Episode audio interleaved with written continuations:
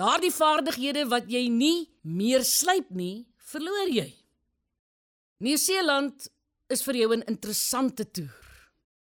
Daar is voëls wat nie kan vlieg nie. Omtrent 41% kan nie vlieg nie.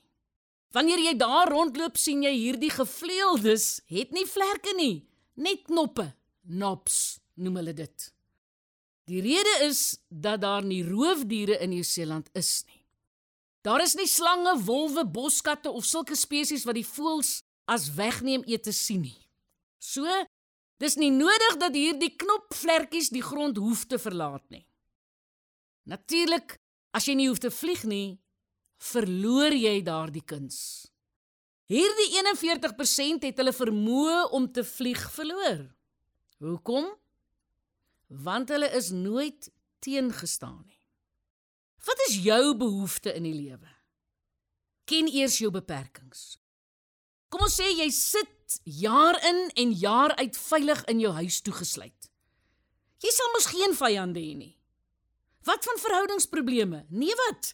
Jy kom dan nie in kontak met ander mense nie.